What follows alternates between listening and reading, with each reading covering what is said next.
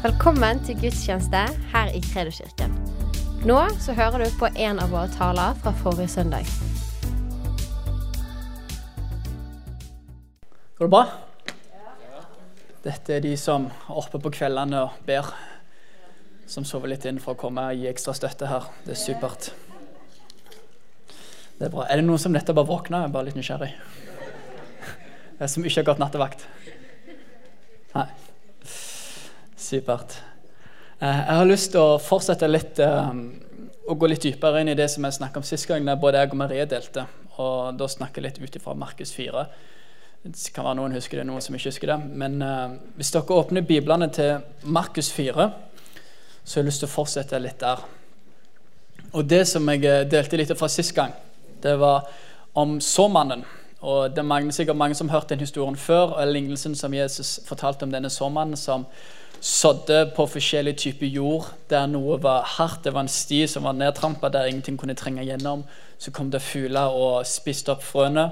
Det var et annet jord der det var steingrunn, der det vokste fort opp, men det var ingen rot. Så når solen stek, steg, så visna det fordi det ikke hadde noen rot og hadde ikke mye næring.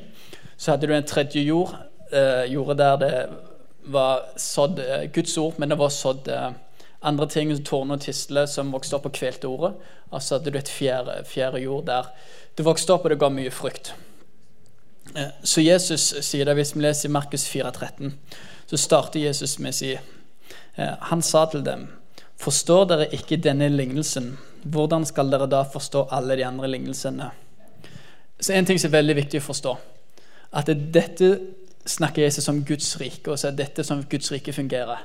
Han sa hvis du ikke forstår dette, hvordan kan du da forstå det andre? Så å forstå denne lignelsen det er nøkkelen til å forstå hvordan Guds rike opererer. Så står det her Såmannen sår ordet, og disse er det ved veien hvor ordet blir sådd. Når de hører, kommer Satan straks og tar bort ordet som ble sådd i deres hjerter. På samme måte er det med den som blir sådd på steingrunn. Når du hører ordet, tar de straks imot det med glede. Men det har ingen rot i seg. Derfor holder det bare ut en tid. Når det senere kommer trengseler og forfølgelse for ordets skyld, tar de straks anstøt. Andre er det som blir sådd blant torner. Det er slike som hører ordet.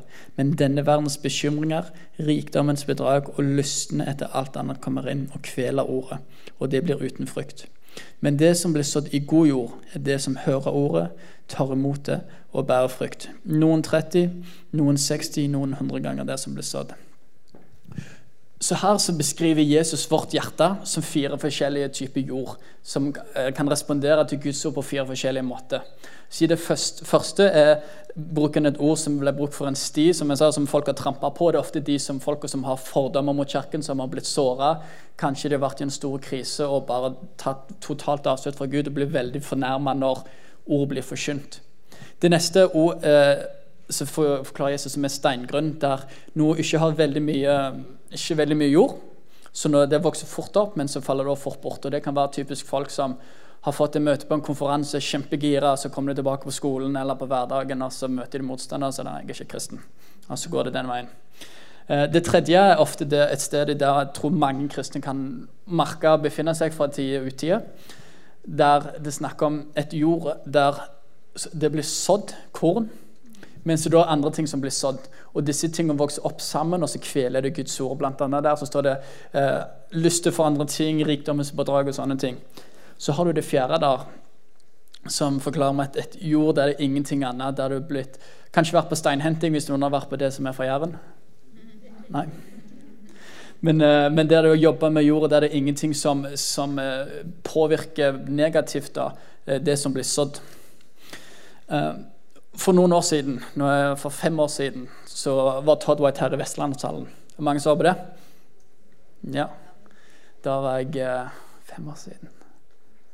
Da var jeg 21. Jeg tror jeg ble 22 den sommeren.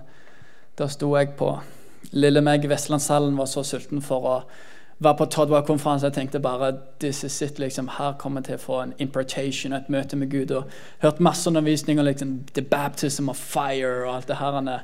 Og jeg hadde liksom, hadde lengta så lenge dette. Jeg hadde bedt masse og bare sånn, tenkte jeg trenger et møte, så jeg blir satt i brann, og så skyter jeg ut liksom, og tar satt for Gud. liksom. Og Jeg var så sulten. Jeg hadde liksom fasa en hel uke på, på bare juice, eplejus. Du blir veldig dårlig i magen. Det er ikke å anbefale. Så nå er det bare rent vann fra nå av.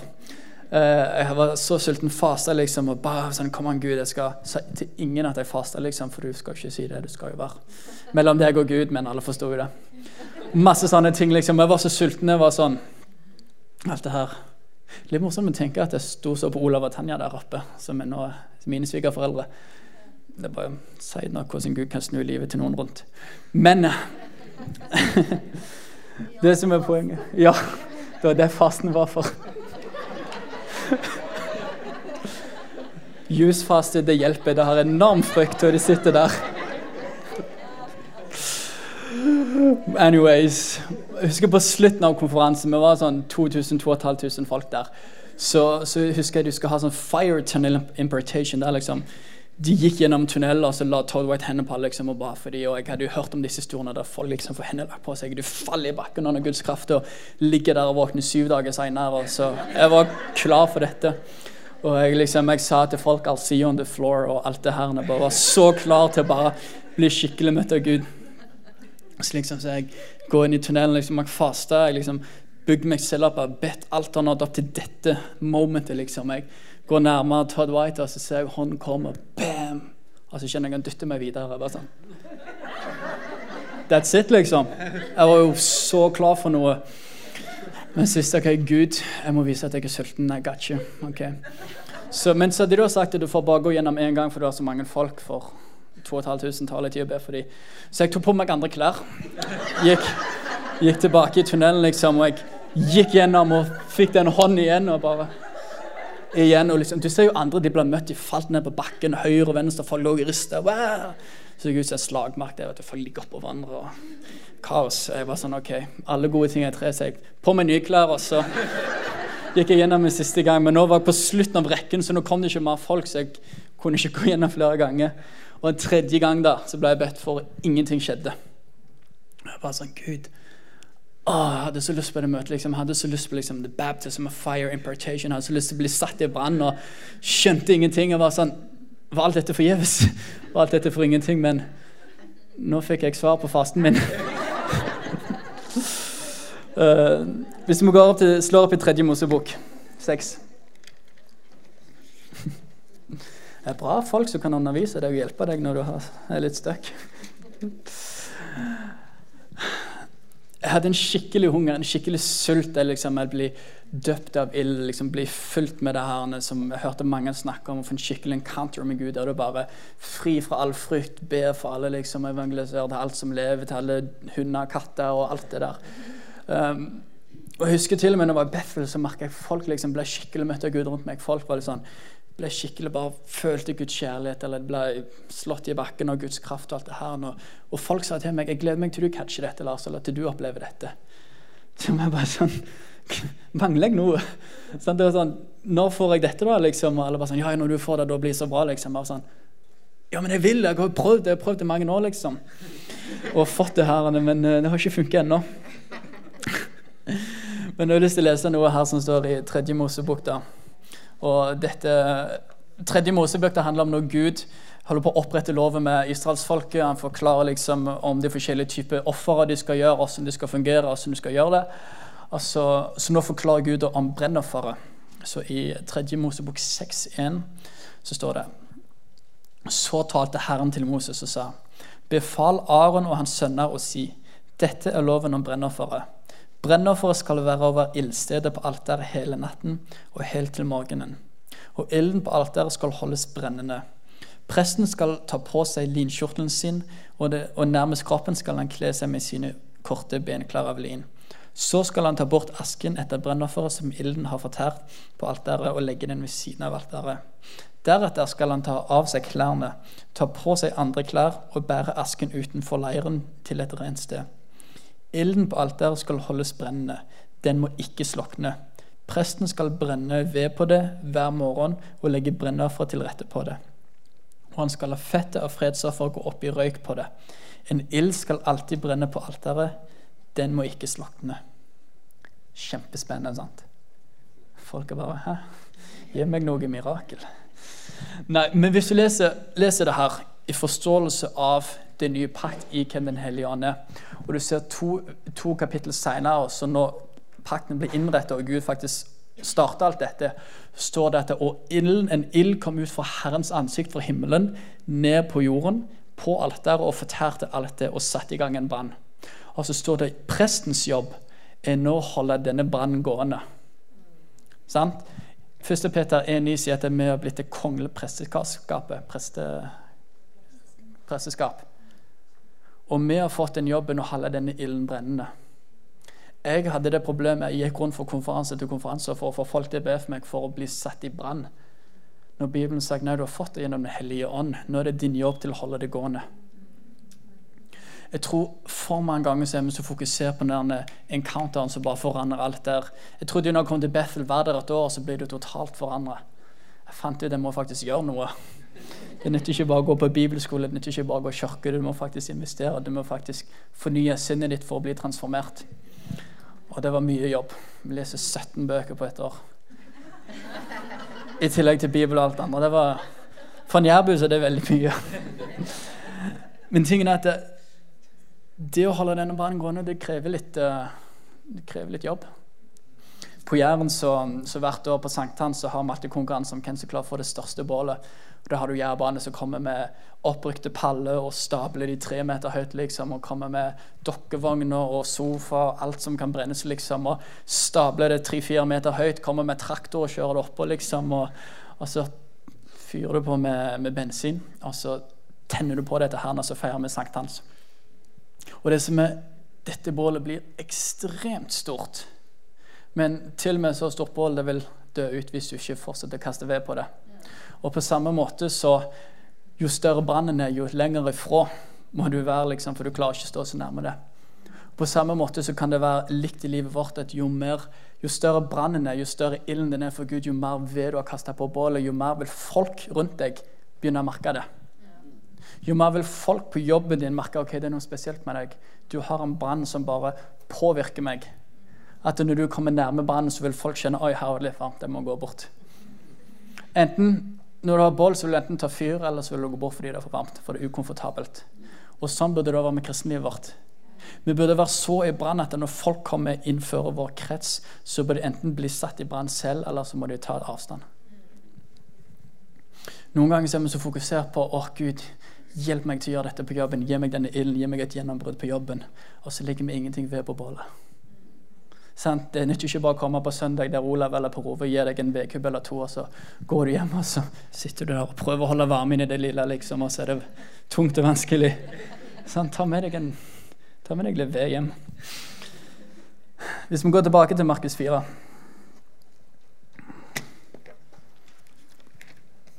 Så snakker jo Jesus om det her med at såkornet er Guds ord som blir sådd i vårt hjerte.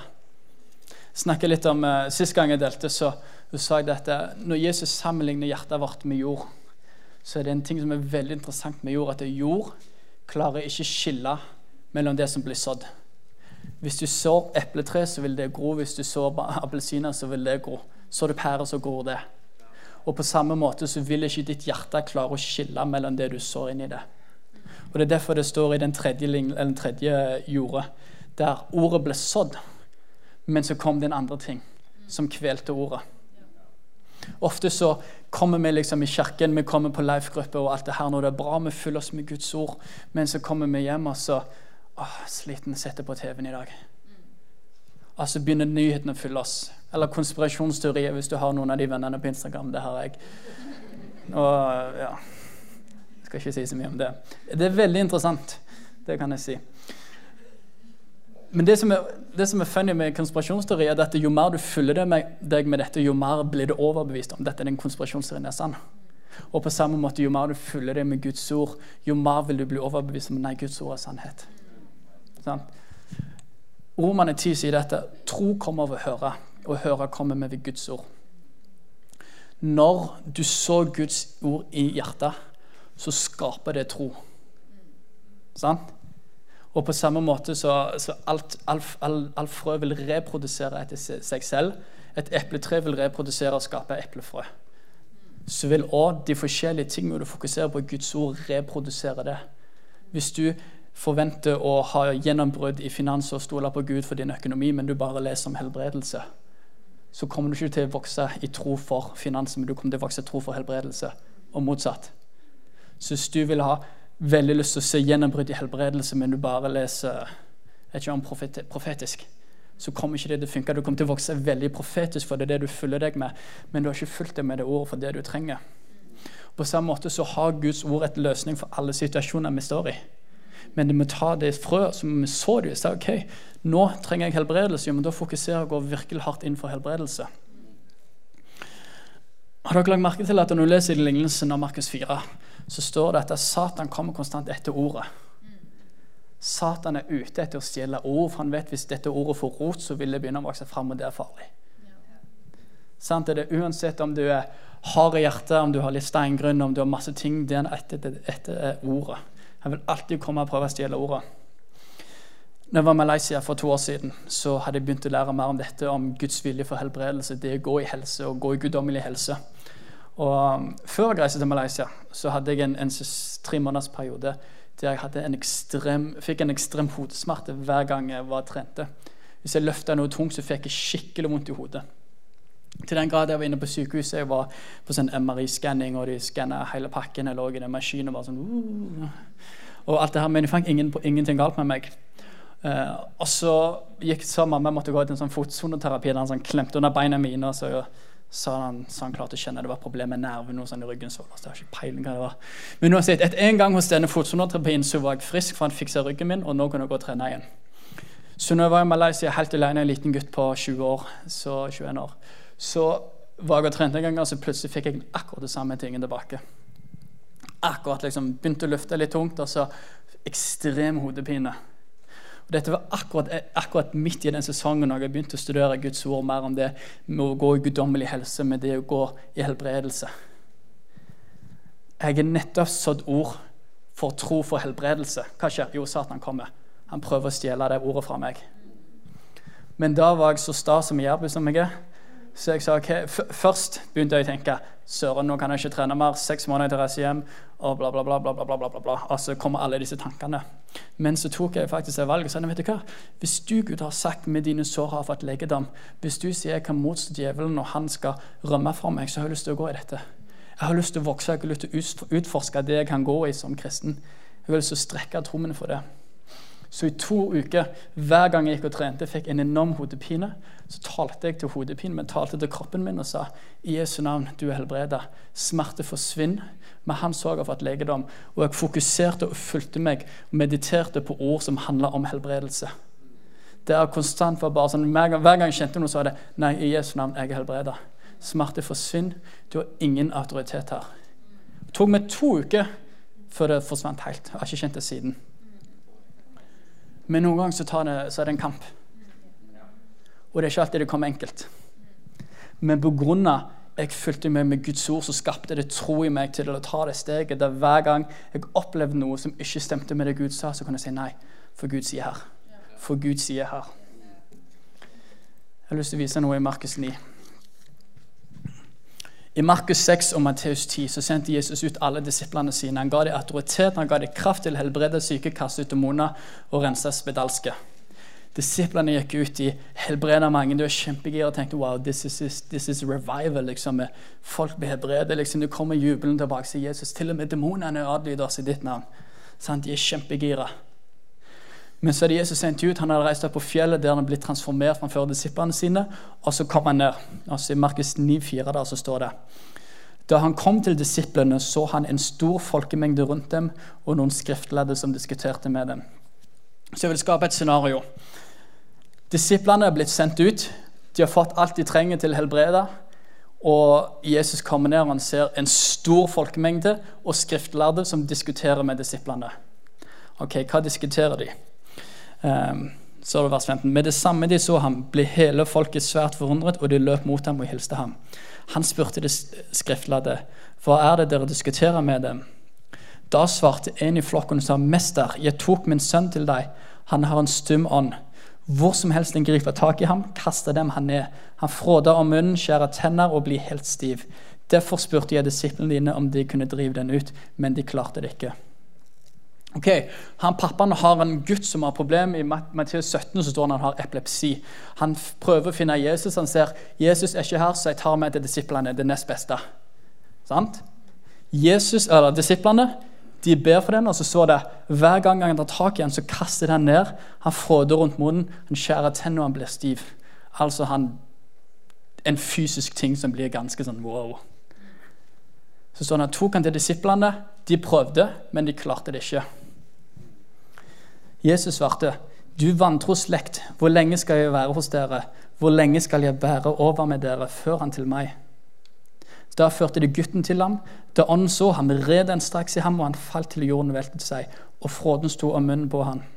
Så spurte Jesus hans far, 'Hvor lenge har han hatt det slik?' Han svarte fra barndommen. Hvor ofte har den kastet ham både i ild og vann for å ødelegge ham. Men hvis du makter å gjøre noe, så ha barmhjertighet med oss og hjelp oss. Disiplene ber for denne.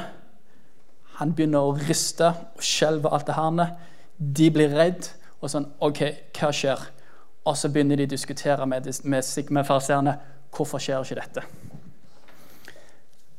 Hadde de alt de trengte? Ja. Trengte de mer tro? Trengte de mer kraft? Trengte de mer autoritet? Nei. Så de hadde alt de trengte, men de klarte det fortsatt ikke. leser videre. Uh, så står det vers 23. Jesus svarte ham, 'Hvis du kan tro, alt er mulig for den som tror.' Barnets far satte straks i ropet og sa med tårer, 'Herre, jeg tror, hjelp min vantro.' Da Jesus så at folket kom løpende og samlet seg, refset han den urene ånden og sa til dem, 'Døve og stumme ånd, jeg befaler deg, far ut av ham og far ikke mer inn i ham.' Da skrek ånden og rev kraftig i ham og for ut av ham. Og han ble som død. Så mange sa han er død. Men Jesus tok ham opp ved hånden og løftet ham opp, og han reiste seg. Hvis du leser videre i Matteus 17 på historien, så står det i Matteus 17, 19. Da kom disiplene til Jesus mens de var alene, og sa, 'Hvorfor kunne ikke vi drive den ut?' Jesus svarte, 'På grunn av deres vantro.' Sannelig, sier jeg dere, hvis dere har tro som et sennepsfrø, kan dere si til dette fjellet, flytt deg herfra til dit, og det skal flytte seg, og ingenting skal være mulig for dere. Men dette slaget farer ikke ut ved bønn og faste. Jesus kommer og ber for gutten.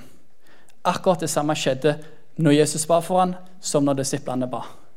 Forskjellen var at Jesus begynte ikke å stille spørsmål. Jesus hadde ikke noe vantro. Disiplene stoppa og ba når de ble redde for hva som skjedde. Hvis du studerer ordet tro og ordet vantro, så er det to forskjellige ord. Ordet tro er det greske ordet pistis, som betyr en full overbevisning. Mens ordet vantro er apistis. og Når du setter en a form for et ord, så betyr det det stikk motsatte. Og Du kan beskrive tro og vantro litt sånn som dette. Hvis du har en hest som drar en skjære, så vil den skjæren gå framover. Men hvis du har en hest som drar i motsatt retning, som er like sterk, så vil den skjæren stå stilt. Og På samme måte så kan du ha tro som fører deg én vei, men du kan også ha vantro som stopper deg og tar det steget. Og Hvis du for eksempel, hadde kommet til Jæren og sier hei Lars, jeg har lyst til å gå til Preikestolen, kan du vise meg veien?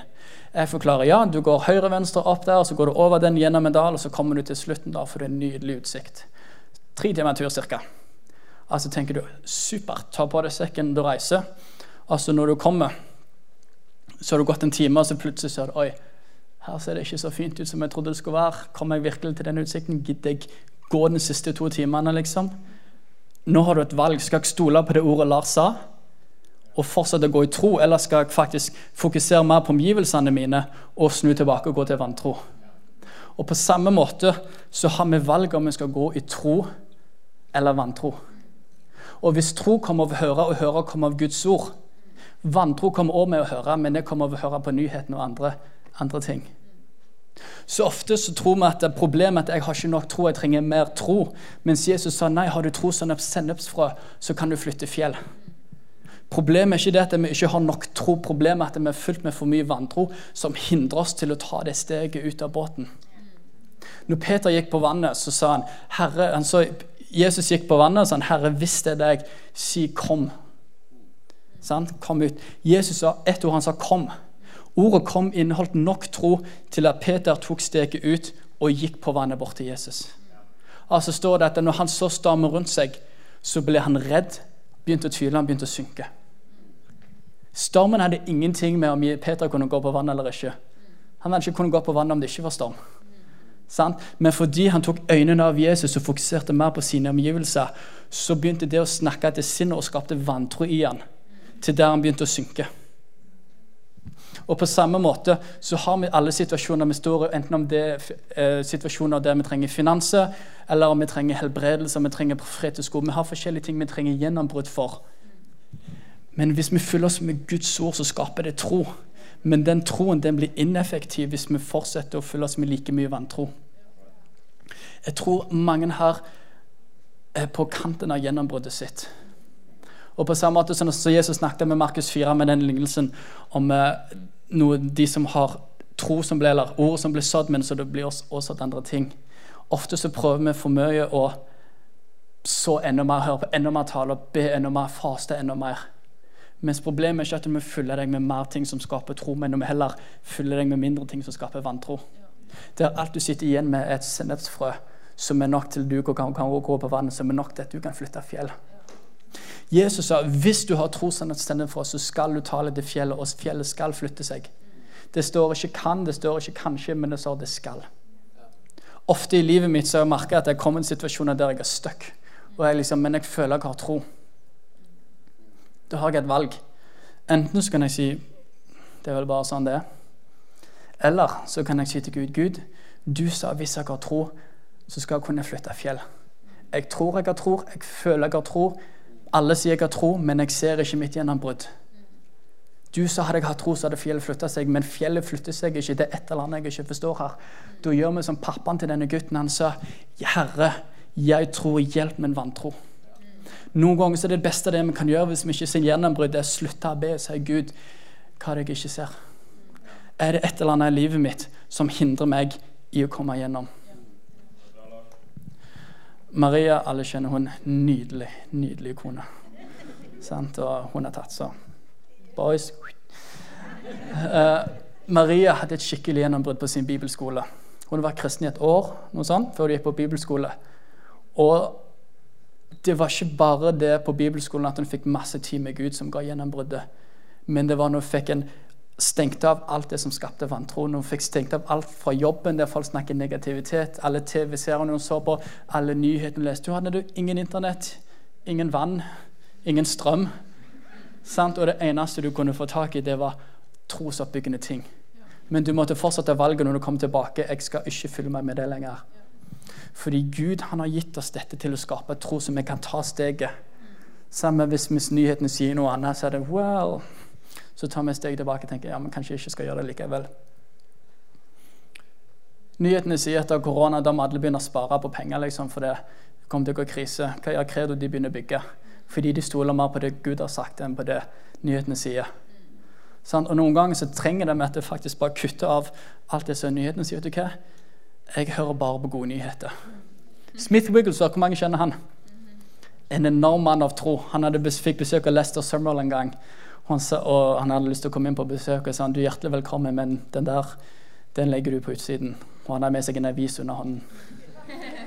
Fordi han var så fokusert på at jeg, eneste jeg fyller livet mitt med, skal være trosoppbyggende. Jeg skal ingenting som river ned troen og skaper, og skaper såkorn av vantro i tankene mine. Og det er en grunn til han så så mye frykt.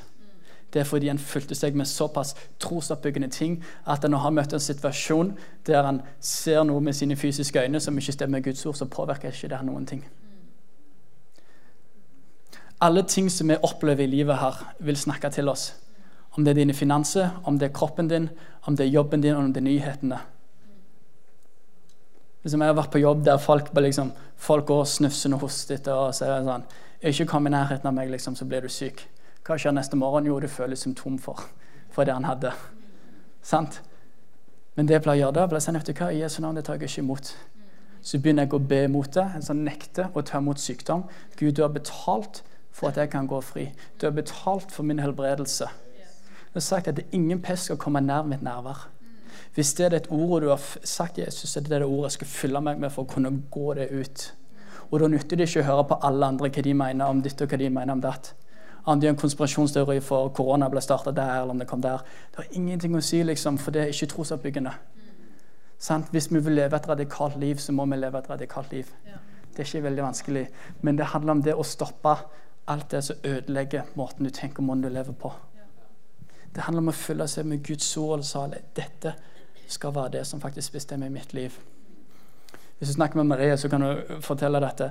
Hvis jeg går på en butikk og jeg leser noe i avisen liksom, 'Dette får du når du er over 40, disse symptomene.' Så sier jeg nei, i Jesu navn. Det er ikke noe som jeg skal ha. Jeg er langt ifra 40. Men dere har sikkert merka dette. Folk snakker de sier liksom Du snakker enten liv eller død. Liv og død ligger i tungen din. Sant? Det du snakker, det vil påvirke folk enten positivt eller negativt, uansett om det er ironi.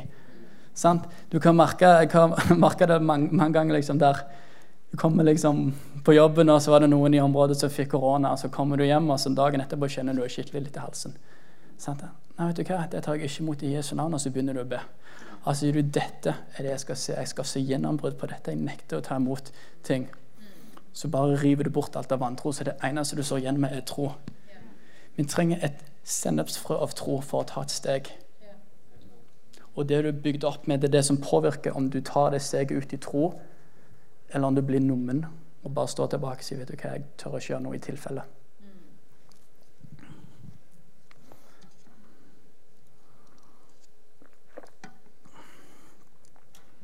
Er det bra? Ja. Jeg tror jeg snart timen er over. Men skjønner dere at det, det, er forskjell på tro og vantro, hvor du kan ha begge ting samtidig. Sant? Og Problemet er ikke at vi ikke har fått nok, problemet er at vi fyller oss med feil ting. Sånn at verden påvirkes mer enn det Guds ord gjør. Liksom Det hjertet er fylt av, det taler munnen. Hvis du hører om forskjellige ting, og den første respons er frykt, første respons er negativitet, så viser det hva som har vokst i hjertet ditt. Sånn, hvis du vil ha noen som går i tro, som ser mirakler, sånn som Todd White, sånn som Heidi Baker, sånn som Smith Wigglesworth, sånn som John G. Lake, så krever det at vi fyller oss med ting som er trosoppbyggende. Så Vi kan ikke forvente å sitte og se på TV 15 timer til dagen liksom, og forvente at vi skal kunne se de største miraklene. Det krever å bygge seg opp her. Jeg ser noe mer notater. Jeg har ikke brukt notatene mine ennå. En del av den siste ting om uh, Isaiah 54, og 17, så står det um, På engelsk ble det 'No weapon formed against you shall prosper'. Ingen våpen som blir formet mot deg, skal uh, lykkes. Det er sikkert mange som har hørt det før. Men det neste delen av verset sier og du skal fordømme alle ord som blir reist mot deg i fordømmelse. Ofte så er vi så fokusert på ja, ingen våpen som blir formet mot meg, skal lykkes. Så glemmer resten av delen det. For at du ikke skal lykkes, så må du fordømme alt som blir sagt imot deg. Sant? Og disse våpnene, det er ord. Sant? Når Jesus var i ørkenen, så satte Satan ord. Sant? Og han bekjemper det med Guds ord. Når du får tanker, når du får følelser som sier 'sånn er det', så tar du Guds ord, som er åndens verd, så kutter du det. sier du hva, det er en løgn. Her er sannheten. Sant? Hvis du får en, en, tanke om at du kommer aldri til å bli frisk, for Gud vil ikke det, så kan du si nei, vet du hva, Guds ord sier med hans sår tok han på seg min legedom. Han ga meg helbredelse gjennom korset. Med hans sår har jeg fått legedom. Altså kutter du den løgnen. Og dette er noe vi gjør stadig vekk. Det, det var Maria. Og alt som snakker til meg, skal jeg respondere tilbake. Jesus responderte til et fikentre, så det i Markus 11. Han så et fikentre, og så responderte han fordi fikentreet allerede snakka til han. Alt du ser, gjør inntrykk på deg og vil snakke til deg. Om det er noe du ser på jobben, om det er noe du ser på nyhetene, om det er noe du ser på TV. TV liksom, de viser sånn er det perfekte forholdet, og så skaper det et tankesett med at hvis jeg ikke har det, så er det ikke ekte kjærlighet. Og ekte kjærligheten, den følelsen der du bare Woho! Sant? Men så kan vet du hva? det er ikke sånn Gud har kalt det til å være. Og vi konstant tar Guds ord, så kutter vi løgner, og så bygger vi tro i oss, sånn at vi kan faktisk lære å gå dette ut. Og det er ikke alltid lett. Sant? Jeg har fortsatt mange områder som jeg holder på å vokse i. Men jeg vet at hvis Gud er sant, så har jeg lyst til å gå etter det.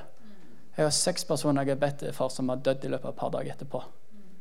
Betyr det at det ikke var Guds vilje fordi de ble beredt? Nei. Det betyr at jeg fortsatt vokser. Hva er det beste vi kan gjøre når vi vokser? Det er å gjøre sånn som han pappaen og ta Jesus til side og si Gud, hjelp min vantro. Du har sagt hvis jeg har tro, så kan jeg se dette, og jeg, ingenting du holder tilbake fra meg. Men det er et eller annet jeg ikke skjønner, det er et eller annet jeg ikke forstår, men du har gitt meg gjennombruddet. Jeg må bare komme gjennom den siste biten. Og det skjer ofte med bare liksom Det står at dette, dette slaget farer ikke ut utenfor bønn og faste. Det er ikke denne type demon, men denne, denne type vantro. Hva gjør bønn og faste? Det kutter av alt innflytelse der du bare fokuserer på Herren. Og sier Gud, snakk til meg. Den eneste som påvirker deg, er ting som er trosoppbyggende. Jeg tror jeg får sagt det som ligger på hjertet. Hvis vi reiser oss, så har jeg lyst til å be litt.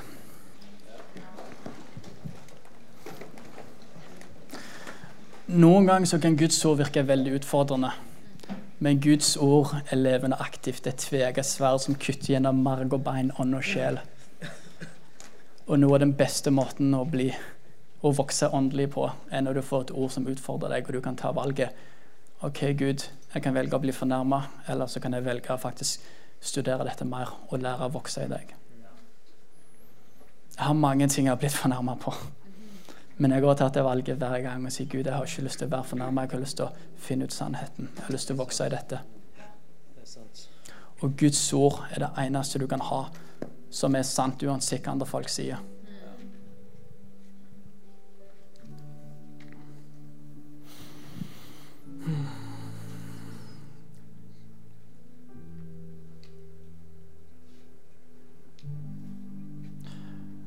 Jeg har lyst til å be for folk som som, har lyst på som er liksom på kanten av gjennombruddet i livet sitt. Som føler at det er rett før gjennombruddet, men de vet ikke hva de skal gjøre for å nå de siste 100 meterne. Jeg vil be for deg, men jeg har lyst til å utfordre deg. Kanskje det er noe du må slutte å fylle deg med for å komme der. Jeg hørte en veldig bra tale som sa liksom, av Bill, Bill Johnson. Han sa det at han, han sa det sånn at det, det som ga deg gjennombrudd i fortiden, blir nå ditt fundament som du bygger videre på. Du kan aldri gå unna det igjen. Og hvis han som Marie, liksom det som ga gjennom gjennombrudd, det var fokusere på Gud og kutte av TV, så det er det som blir det neste fundamentet som hun bygger videre på. Hun kan aldri gå tilbake der igjen. Og det, jeg hørte noen andre si jo lenger du går med Jesus, jo mindre kan du ta med deg. Og når du får familie, når du får barn, når du blir pastor, når du har ting, så tar det opp tid. Og da må du kutte ut på ting. Og du kan velge om det er din personlige tid med Gud, om det er venner, om det er familie, eller om det er TV og andre ting som ikke har noen ting til oppbyggelse. Men det, er en pris å betale for å gå med Jesus. Men hvis du virkelig forstår hva du får i, i tilbake, så er det ikke så veldig mye til pris. Men jeg kan føle mye akkurat der og da. Så hvis du føler du er på kanten av et gjennombrudd til et eller annet du ikke mangler, så har jeg lyst til å bare legge hånd på hodet ditt eller på hjertet ditt. Så jeg har lyst til å be for deg nå. Hellige Ånd, takk for at du har gitt oss alt vi noen gang kan trenge. Takk at du har gitt oss en salvelse, og vi kjenner alle ting. Hellige Ånd, jeg ber nå spesifikt for alle som legger hendene på hjertet, som alle som er på kanten av gjennombrudd. Jeg ber om at du begynner å snakke til oss, tale til oss om det området i livet der vi har vantro, og det området i livet vi må kutte ut. Helligånd, gi oss en større åpenbaring til å vandre frihet, til å gå til det neste steget. Gi oss en hellig overbevisning, en hellig conviction, til å følge deg, til å kutte ut andre ting som ikke betyr noe.